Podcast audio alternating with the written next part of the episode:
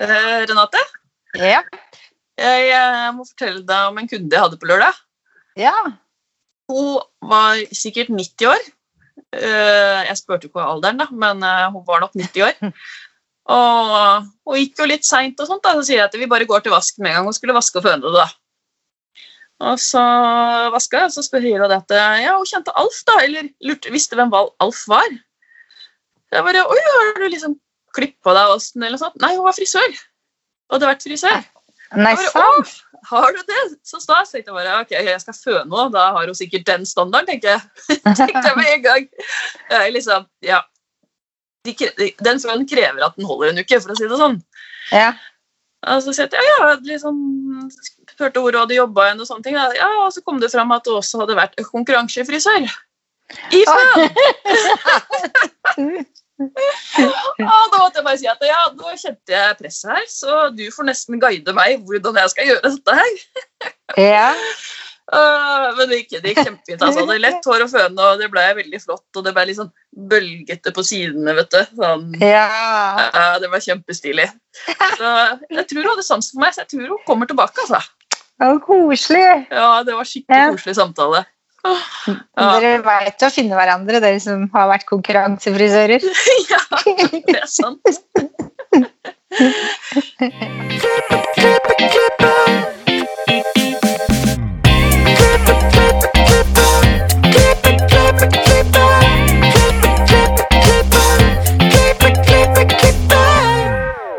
Velkommen til Hårpoden. Jeg heter Renate.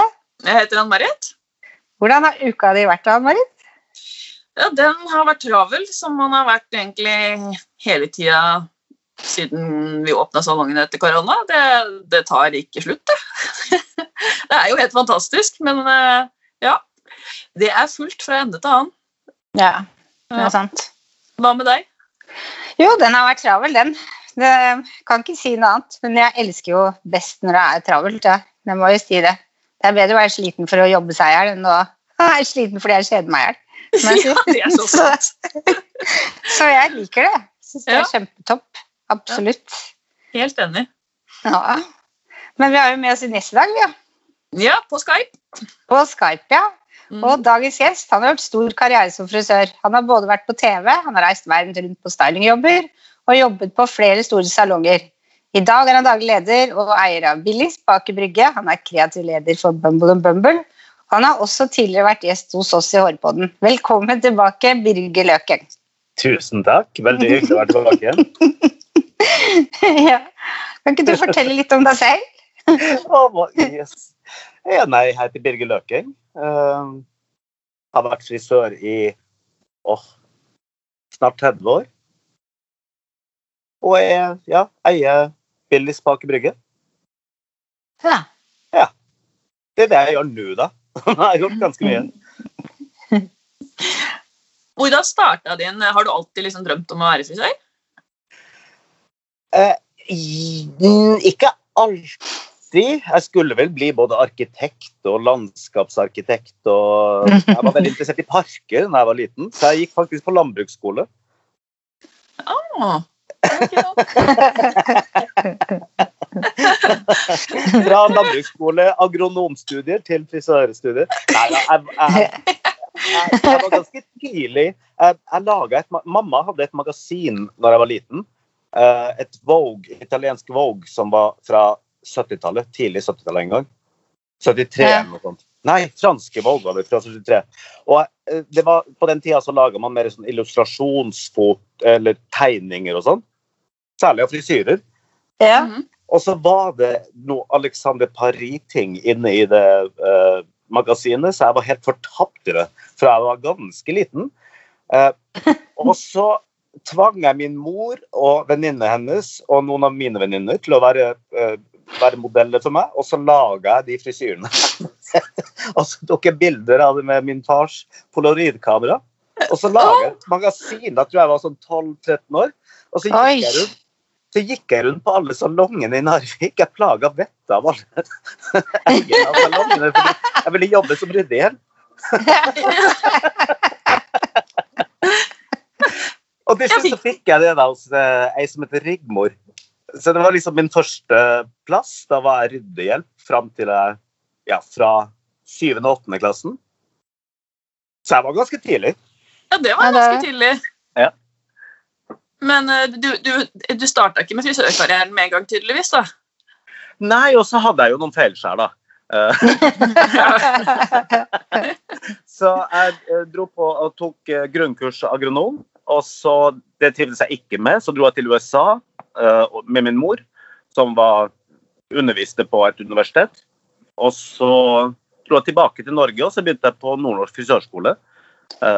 som var den første frisørs... Eller første store firma som Ingrid Nikolaisen og Nikita starta. Ja, så der starta jeg karrieren min da jeg var 17. så spennende. Ja. Jeg visste, at, jeg visste faktisk ikke at hun hadde vært involvert i bransjen i så mange år. Jo da. Det her var i Når jeg gikk på frisørskolen, var jeg 88. Herlighet. Ja. Ja, nei, det visste ikke jeg heller. Nei. Jeg trodde liksom hun kom på banen med Nikita.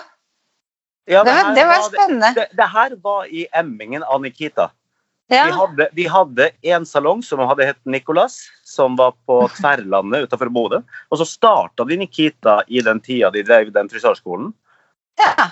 Ja. Herlighet. Det må man få vite. Og da jobba du i Nikita, eller? Eh, ja, jeg gjorde det i ett og et halvt år etter jeg hadde gått på frisørskolen. Eh, først var jeg i Narvik hos Rigmor, da, i, et, i et halvt år. Og så dro jeg til Trondheim og jobba på Nikita. Ja. Ja. Og etter Nikita, hvor tok eh, turen da? Til Stavanger og Studio Alf. Hæ? Er det sant? Ja. Ja. Så jeg jobba med Alf Johan og Line, og da drev jeg med konkurransefrisering. Ja, Så så har, gøy! har du også vært konkurranseinteressert? Ja, i to år. Ja, ikke Ja, sant? du lærer så mye av det, da. Mm, du gjør det. Helt enormt. Basic. Ja. Hva konkurrerte du i? Ja? Um, jeg var med ett år i NM, og så var jeg med i Rogalandscupen. Um, og jeg vant faktisk begge deler. så jeg ble Wow. Norgesmester i det som heter Grand Prix Mote. Det må, her må ha vært i 1991? 92, Wow. eller noe sånt? Hva, hva er Grand Prix mote? Er det som Nei, det var, jeg ja, det var en sånn moteaktig De prøvde å fornye konkurransefriseringa. da. Eh, så det var en daglig frisyre og en litt uh, mer sånn aften. ah, Og det var mer rocka. i Ja. ofte. Rett og slett. Ja. Ja. ja, det ser man. Og Så da ble jeg trent av Alf Johan og Line, særlig Line Fjell. Het hun da, da? Line Tangen. Ja, Ja. ja ikke sant? Ja. Hun heter Line Fjell, det er jo helt riktig. Ja, ja, ja, hun het det da. Sånn ble jeg kjent med Line. Ja. Trivdes du med å konkurrere? Altså, eh, ja, jeg fortsatte jo ikke med det, da. Men Nei. det var ikke fordi jeg ikke trivdes. Men jeg ble interessert i andre ting og, og sånn. Men jeg lærte så innmari mye av det. Mhm. Men jeg må bare spørre, når du jobba der og var konkurransefrisør, var det sånn at alle frisørene i salongen drev med det? Var det, sånn, var det liksom den stemninga? Nei, det var Jeg var liksom noen. Det var jeg som gjorde det i Stavanger, da. Ja, ikke sant? Ja. Så- men da ble jeg jo liksom med i teamet i Oslo. Um, så da begynte jeg med kursvirksomhet også sammen med Alf Johan og reiste rundt. Spennende. Så det gjorde jeg egentlig fram til ja, starta for meg sjøl i Stavanger, og så begynte jeg i Adam Eva. Ja. Ja. Så du har- Så, så du hadde egen salong i Stavanger? Ja, men det gikk ikke bra. Jeg var veldig ung. så det gikk skikkelig dårlig. En erfaring rikere. Ja. Man lærer av alt. Man må Ja. snuble litt, vet du. Det er Ja, jo det det- når man reiser seg, man lærer ting. Det er jo det morsomme i livet er jo å bygge seg opp igjen. ja, det er jo det. Det er på bunnen du, på bunnen du er kreativ. Ja, du har ikke noe valg. Så, Nei, du har jo ikke det. så jeg er glad jeg tryna tidlig. Ja, ikke? Men, men hvor mange år var du i Adam og Eva? Åh, det ble mange år. 23 år. Oi. Men jeg gjorde jo veldig mye annet. Jeg hadde jo en veldig fri rolle i Adam og Eva. Ja. Så jeg jobba jo med veldig mye forskjellig. Du jobba, med Rune Myrhaug Rune, og Rune Myrhaug og Cato Stenhaug. Ja. liksom Ja, de var jo enerne i Adam Evan jeg begynte, så det var jo liksom Ja. mine store helter. Men det var veldig heldig altså Når jeg jobba med Alf Johan altså når jeg jobba i Stavanger i Studio Alf, så var jeg med Ja. og holdt kurs sammen med Alf Johan. Og da, på den tida så hadde Adam og Eva og Studio Alf et samarbeid. Så da Ja. sto jeg på scenen med Øystein og Rune og Cato og Line øh, Ja, det det gamle Adam og Eva-folk. Ja. Jeg var jo selvfølgelig unge jyplingen. Herregud. For en fantastisk tid. Ja, det var helt, det var, for meg var jo det kjempestort. Jeg hadde liksom sett Rune og Cato på scenen og drømt om å jobbe liksom i det sjiktet. Og Alf Johan og Øystein og de gamle heltene i bransjen. Mm. Um, Iallfall fra min tid når jeg var ung. Um, og så sto jeg plutselig på scenen sammen med dem. Det var kjempestort. Du har Ja, følt på et press når du sto der oppe på scenen sammen med de. Det hadde jeg gjort, kjenner jeg. Jo, men jeg er velsigna med veldig dårlig selvinnsikt og,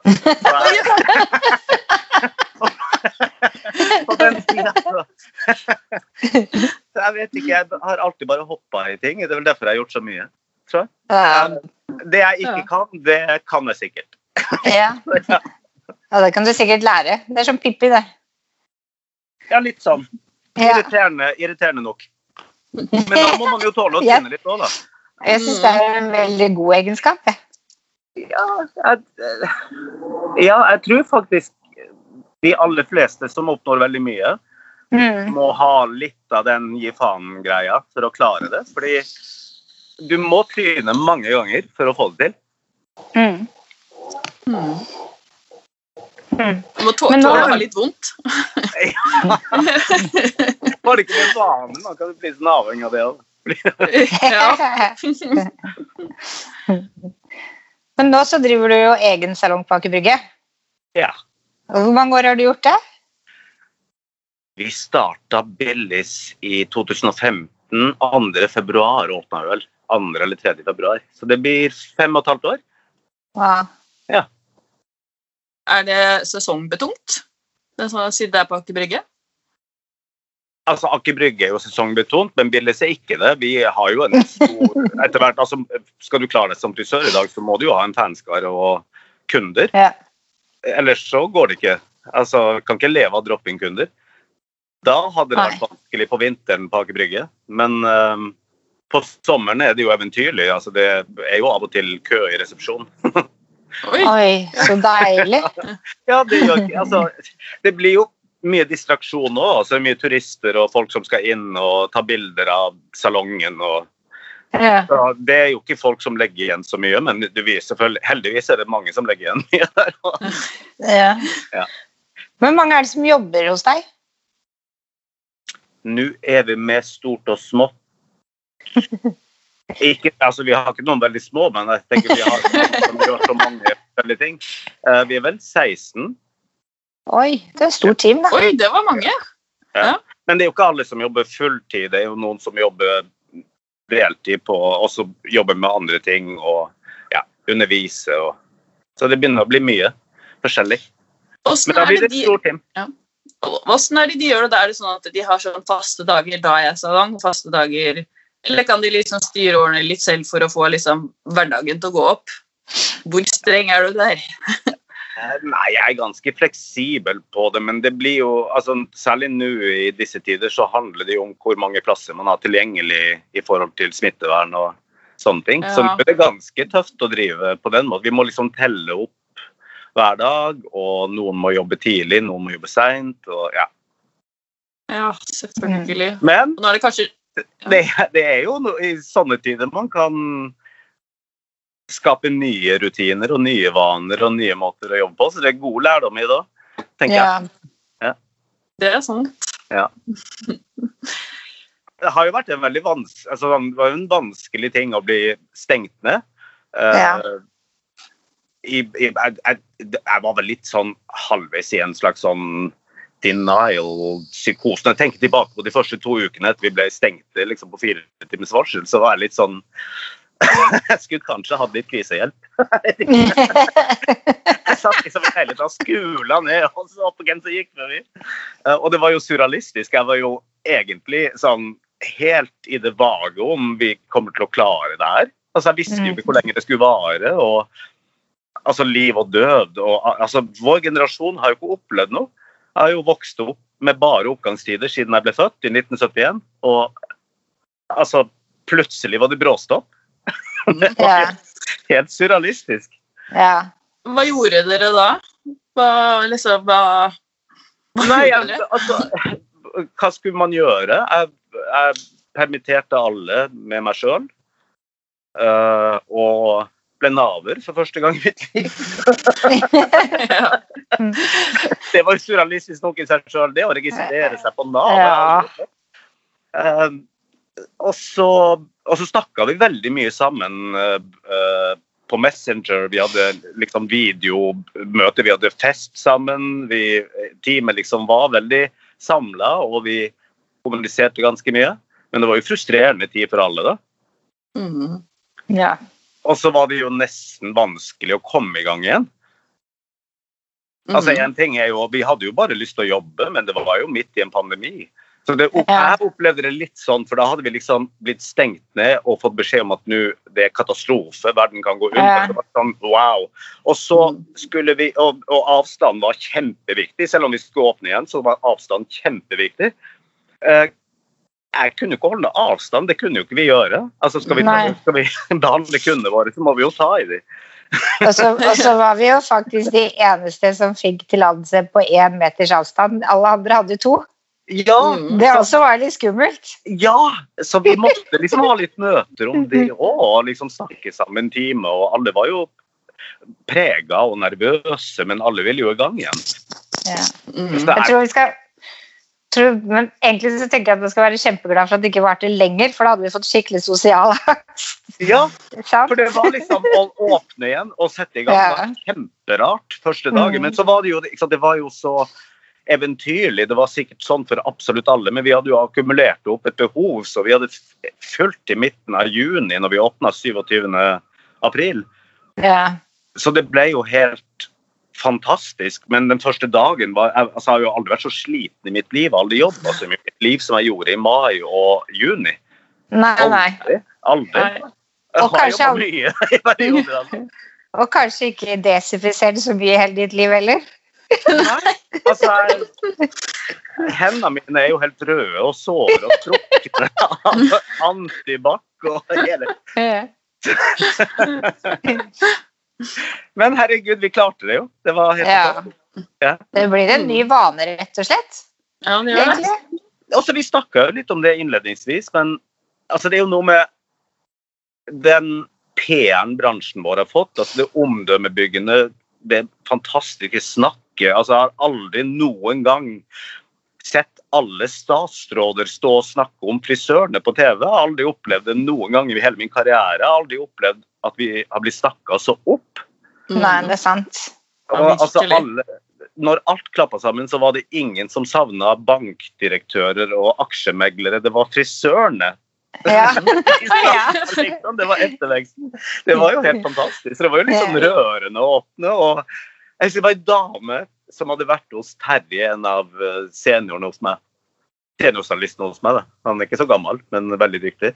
Eh, som, når hun var ferdig, så sto hun liksom oppe på Billis, så det sånn stor trapp ned, og så Unnskyld, kan jeg få si noe?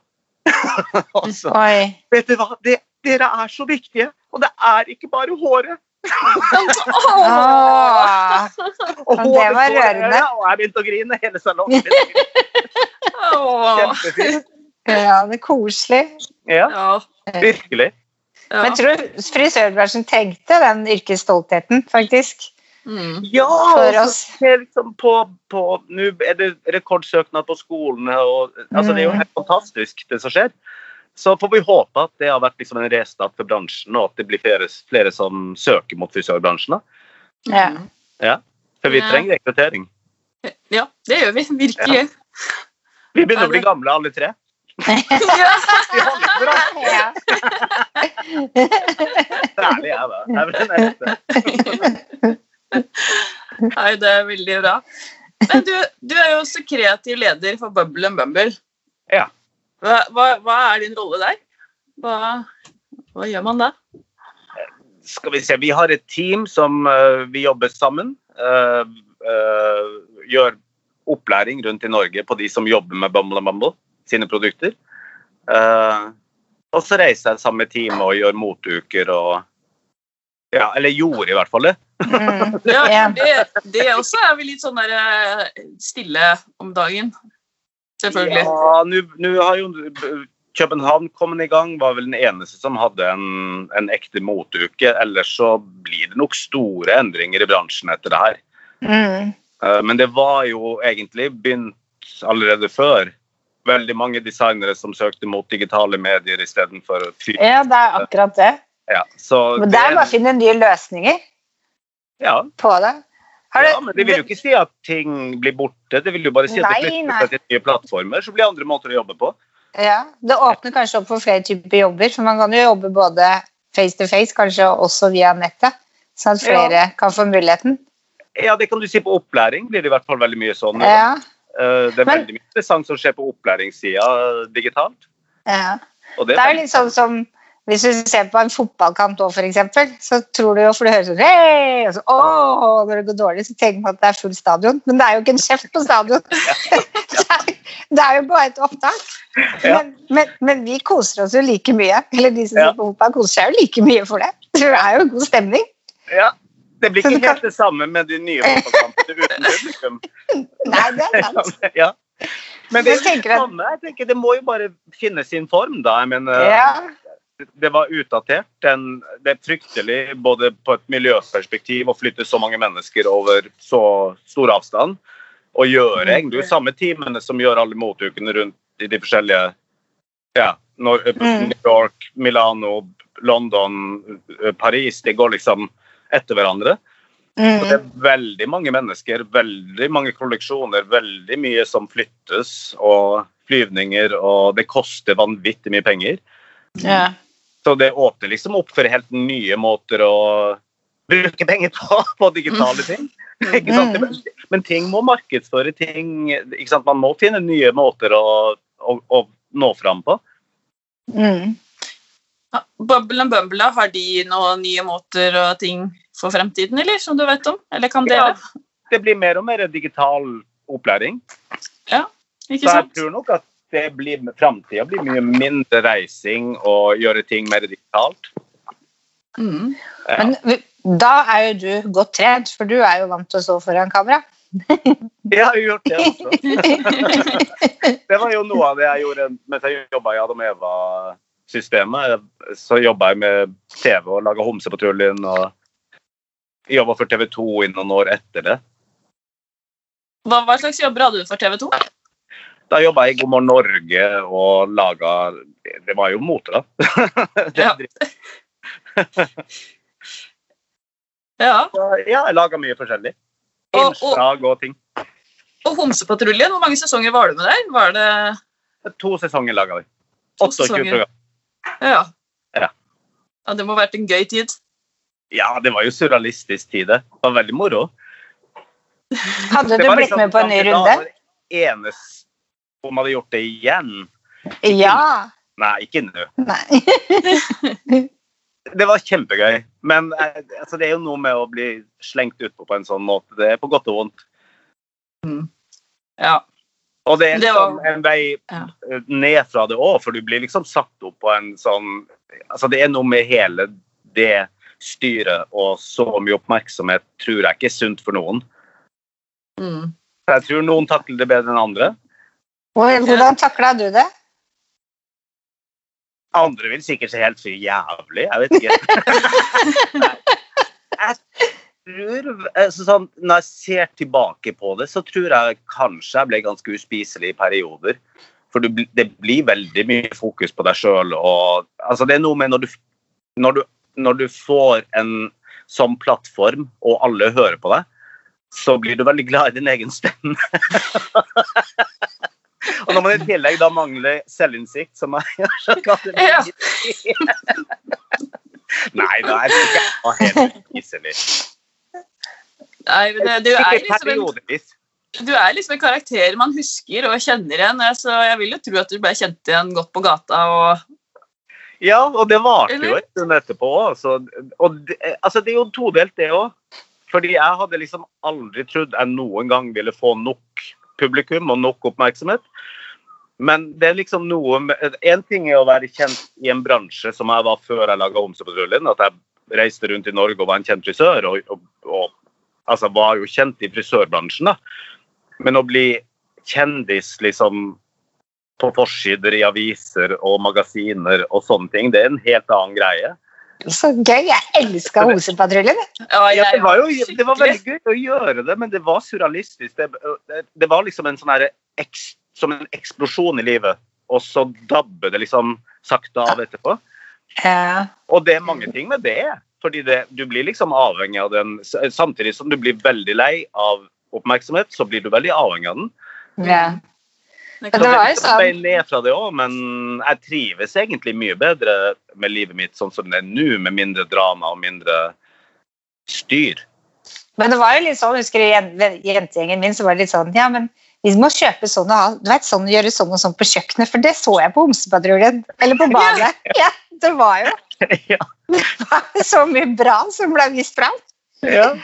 Det ble jo et stort program i Norge. Ja, det gjorde det.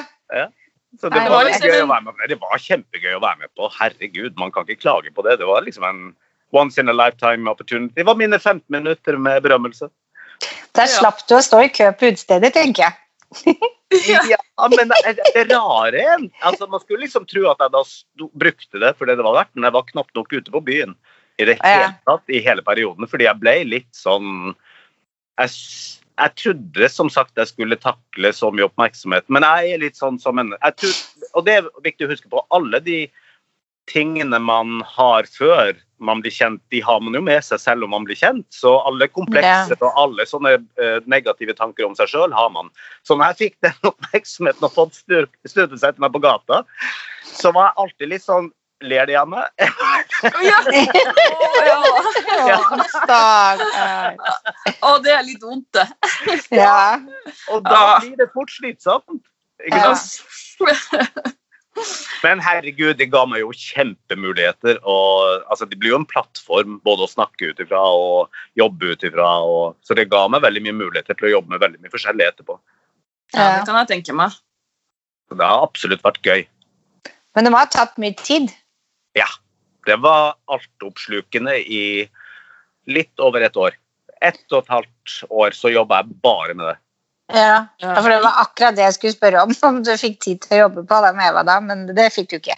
Nei. Og det var, eh, det var altså Bortsett fra nå mai og juni, så har jeg vel aldri jobba så mye som jeg gjorde i den perioden. For det, ble veldig mye. Jeg- Og jeg jobba fra Adam jeg var òg. Så jeg jobba og reiste i helgene og gjorde ganske store produksjoner rundt. For på den tida så gjorde Adam Eva mye rundt i Benelux-landa. og altså, På den tida reiste vi veldig mye.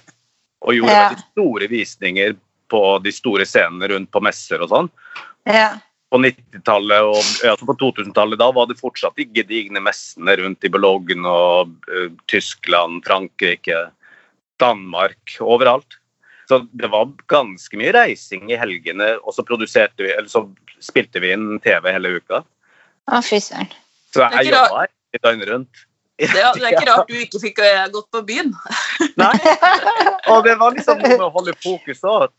Så jeg har jo absolutt eh, frekventert by, byen tidligere. Så jeg tror det var en bra ting for meg å få et skikkelig avbrekk fra det å måtte fokusere altså 100% på jobb og prosjekter, fordi det var ikke, det var ikke rom for noe annet.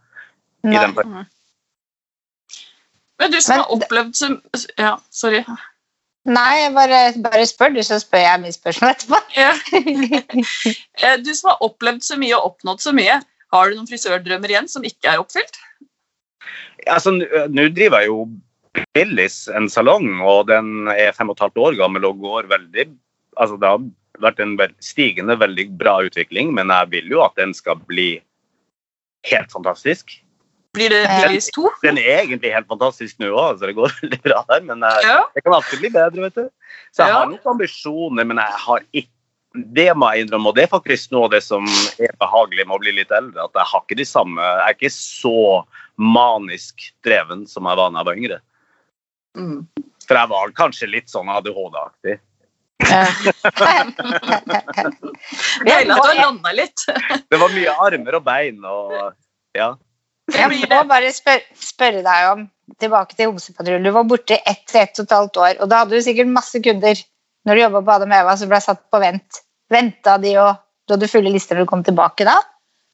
Altså, jeg har fortsatt mange av de Altså, jeg har fortsatt den første kunden som begynte hos meg Adam Eva for 23 år siden. Hun går fortsatt med meg. Fantastisk. Hun er ganske jevngamle òg, så hun var liksom tidlig i sine Hun var ennå student da, og hun har oppnådd mye, hun òg. Så vi har liksom fulgt hverandre. Så vi snakker om det liksom egentlig hele tida. Jeg har veldig mye av Altså, kundene mine ser ut til å like meg, for de blir med meg veldig lenge. Ja. Så jeg har, jeg har veldig mye av de samme kundene som jeg hadde på Arkaden på 90-tallet. Oi. Går fortsatt hos meg på Billis bak i Brygge i dag.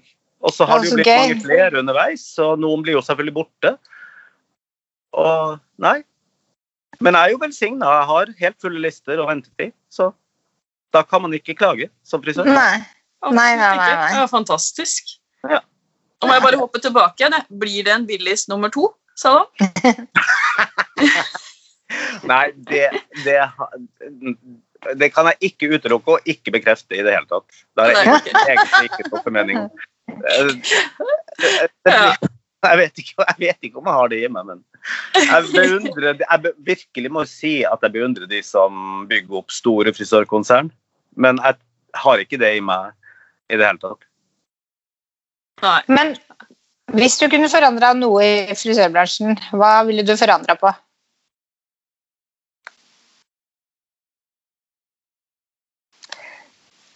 Hva skulle det være forandra på? Jeg skulle ønske det ikke, altså, ikke var så fysisk hard jobb som det faktisk er å være frisør. Men det går ikke an til å endre på.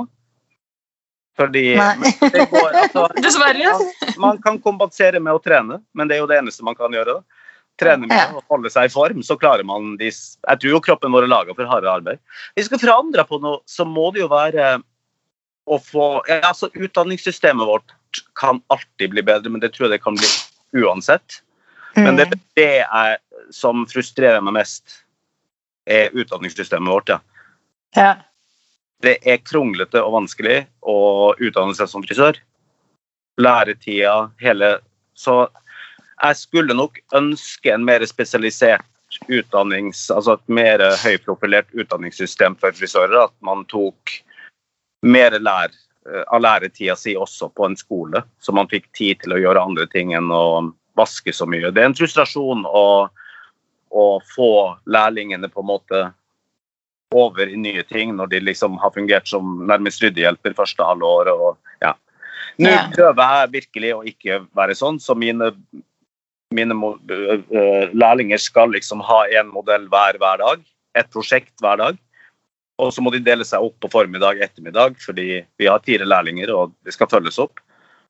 Uh, ja, men det er vel det. Det er lite pe fortsatt, Uansett hvor dyrt det blir å klippe seg, så er det fortsatt lite penger i bransjen å bruke på opplæring. Mm. Og det, det frustrerer meg. Mm. Jeg skulle gjerne hatt Mm. mer ti sjøl til mine lærlinger. Mm. Mm. Ja, det, Så det er vel det jeg vil forandre på i bransjen. Mye mer, jeg vil at læretida skal være mye mer interessant. Mm. Det er en veldig bra forandring. Jeg Tror Ja. at vi mister veldig mange uh, talenter. Kanskje særlig de som, som har mange muligheter, velger andre ting fordi det er en frustrerende opplæringsperiode å være lærling. Mm. Mm. det er sant. Tenker også når man tar imot utplasseringselever og, og sånn, at man sørger for at de ikke blir bare stående og vaske. At Det er- stiller krav, Essensielt Ja, viktig. ja, liksom stiller krav til skolen om at de skal ha oppgaver, som man kan vurdere de, sånn at de blir stående og gjøre det òg. Syns, Ja. syns jeg er viktig.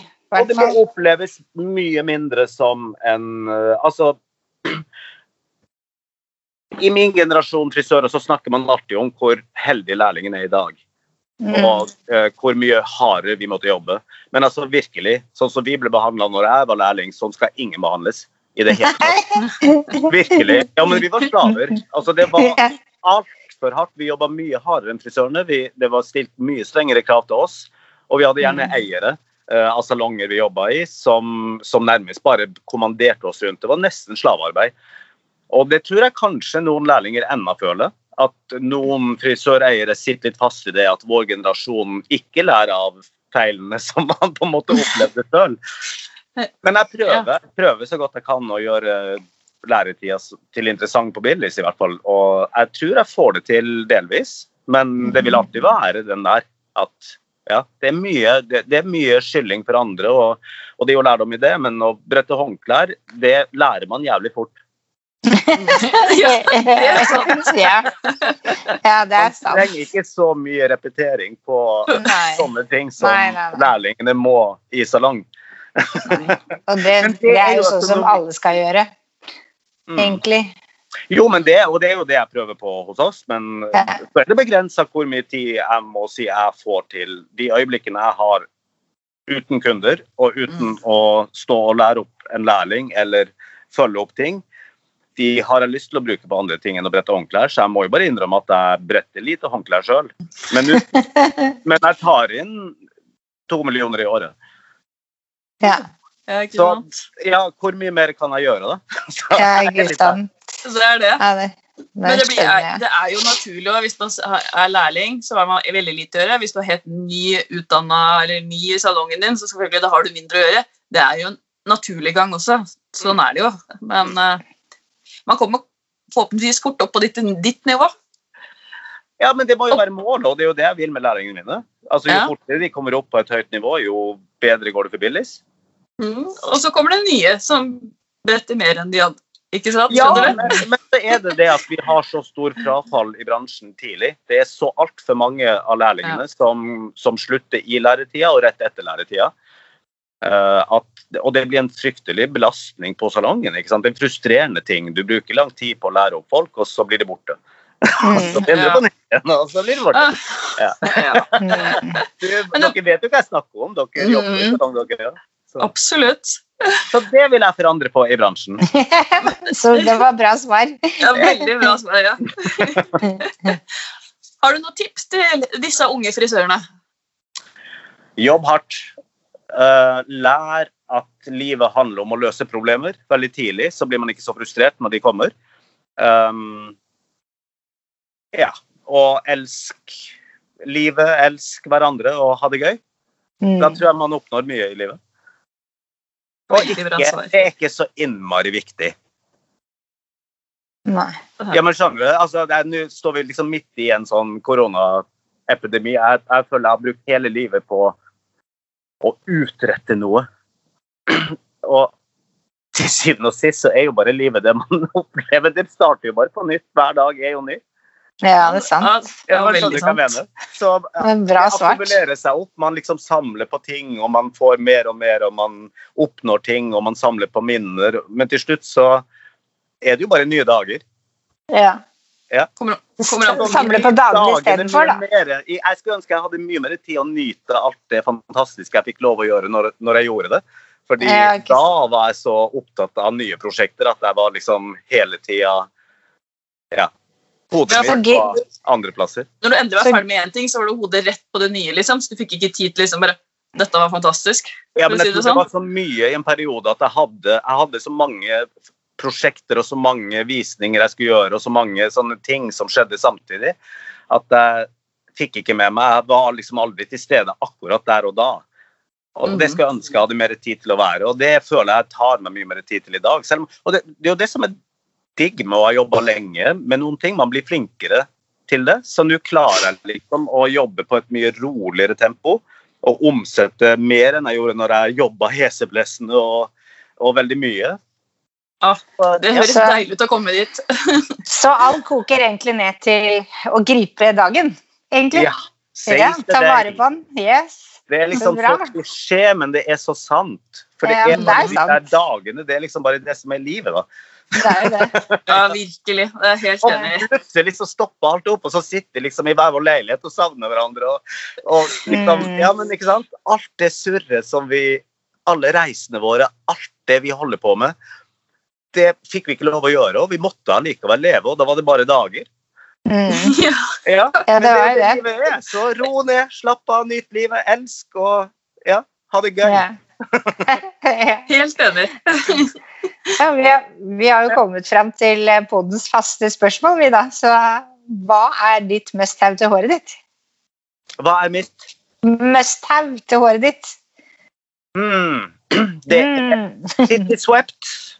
Jeg er Bumble-gutt, så jeg bruker bare Bumble-produkter.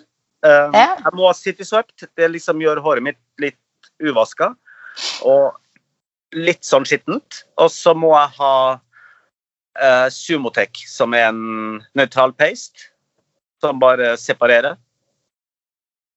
Og det er det jeg gjør. Ja. Hva inspirerer deg? Dere inspirerer meg akkurat nå. Eh, Jeg prøver å bli inspirert av det jeg Jeg blir veldig inspirert av lærlingene hos meg. Fordi, altså det har Jeg alltid blitt inspirert av lærlinger, for de gjør så mange tabler, og så skjer det noe magisk når man leker av et på, eller gjør en eller annen feil, og så, så kommer det liksom noen nye greier, og det inspirerer meg. Um, jeg blir veldig inspirert av å jobbe med teamet med um, Laura Philippon, som jeg har vært heldig å jobbe med.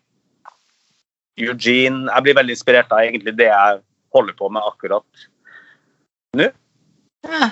Jeg blir inspirert av kundene mine Hvor er du om fem år? på Billys. Ja! Jubileum? Um, ja, det blir vel sånn tiårsjubileum rundt den tida. Ja, ja, Ja. Da, da driver jeg og har tiårsjubileum på Billys. Fantastisk. Fantastisk. Ja, ja. Hvor er det vi finner deg på sosiale medier? Um, jeg må bare innrømme at jeg var helt hekta på Facebook og sosiale medier før, men jeg, det er for mye distraksjon. Så Instagram er vel den eneste jeg bruker sånn regelmessig. Ja, Instagram. Hva, Men hva jeg, jeg heter Instagram-kontoen din? Jeg deler ikke. jeg heter Birger Looking, men jeg er, ikke, jeg er ikke aktiv på sosiale medier i det hele tatt. Men salongen din har kanskje en Insta-konto som lytterne kan følge? Billys. Er- ja. Billis TB er veldig aktiv, og der, der skjer det mye. ja. Så der har det, jeg er bare sjøl ikke så veldig Jeg føler at det blir for det, det blir, da, Jeg blir avhengig. Jeg, jeg er med, så Det tar over altfor mye tid av livet mitt, så det har jeg ikke tid til. Er du Da, går det, da, da får du ikke gripe i dagen hvis du skal sitte på Insta. Nei, nei, man gjør ikke det, fordi det blir liksom en distraksjon, og da er man ikke med i øyeblikket, og så blir plutselig øyeblikkene borte. Ja, Og da sant. er dagen borte. Mm. Og så sitter man igjen med en sånn følelse av at alt er bare fake, og så er det mye negativitet. Og det, jeg føler vel at livet gir nok dritt. Vi trenger ikke gi oss hverandre mer dritt liksom i sosiale medier. Og det er vel det jeg føler det blir, iallfall Facebook og, og den typen medier. Det blir bare en sånn dump, dumpeplass der man Ja. legger fra seg all dritten man ikke ville sagt til noen ansikt til ansikt. Mm, det er sant. Ja. Det er, Det er sant. Så jeg vil ha positive sosiale medier. Ja. Ja, takk.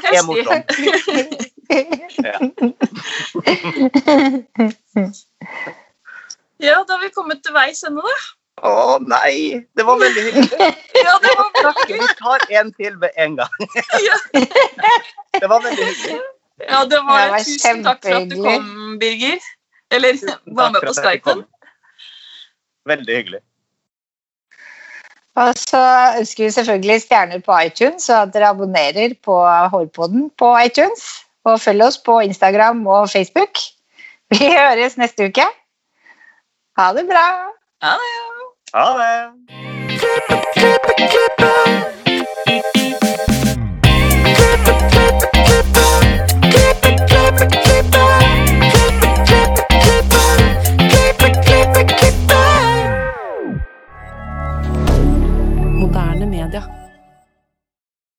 Har du et enkeltpersonforetak eller en liten bedrift? Da er du sikkert lei av å høre meg snakke om hvor enkelt det er med kvitteringer og bilag i fiken, så vi eh, gir oss her, vi. Fordi vi liker enkelt. Fiken superenkelt regnskap.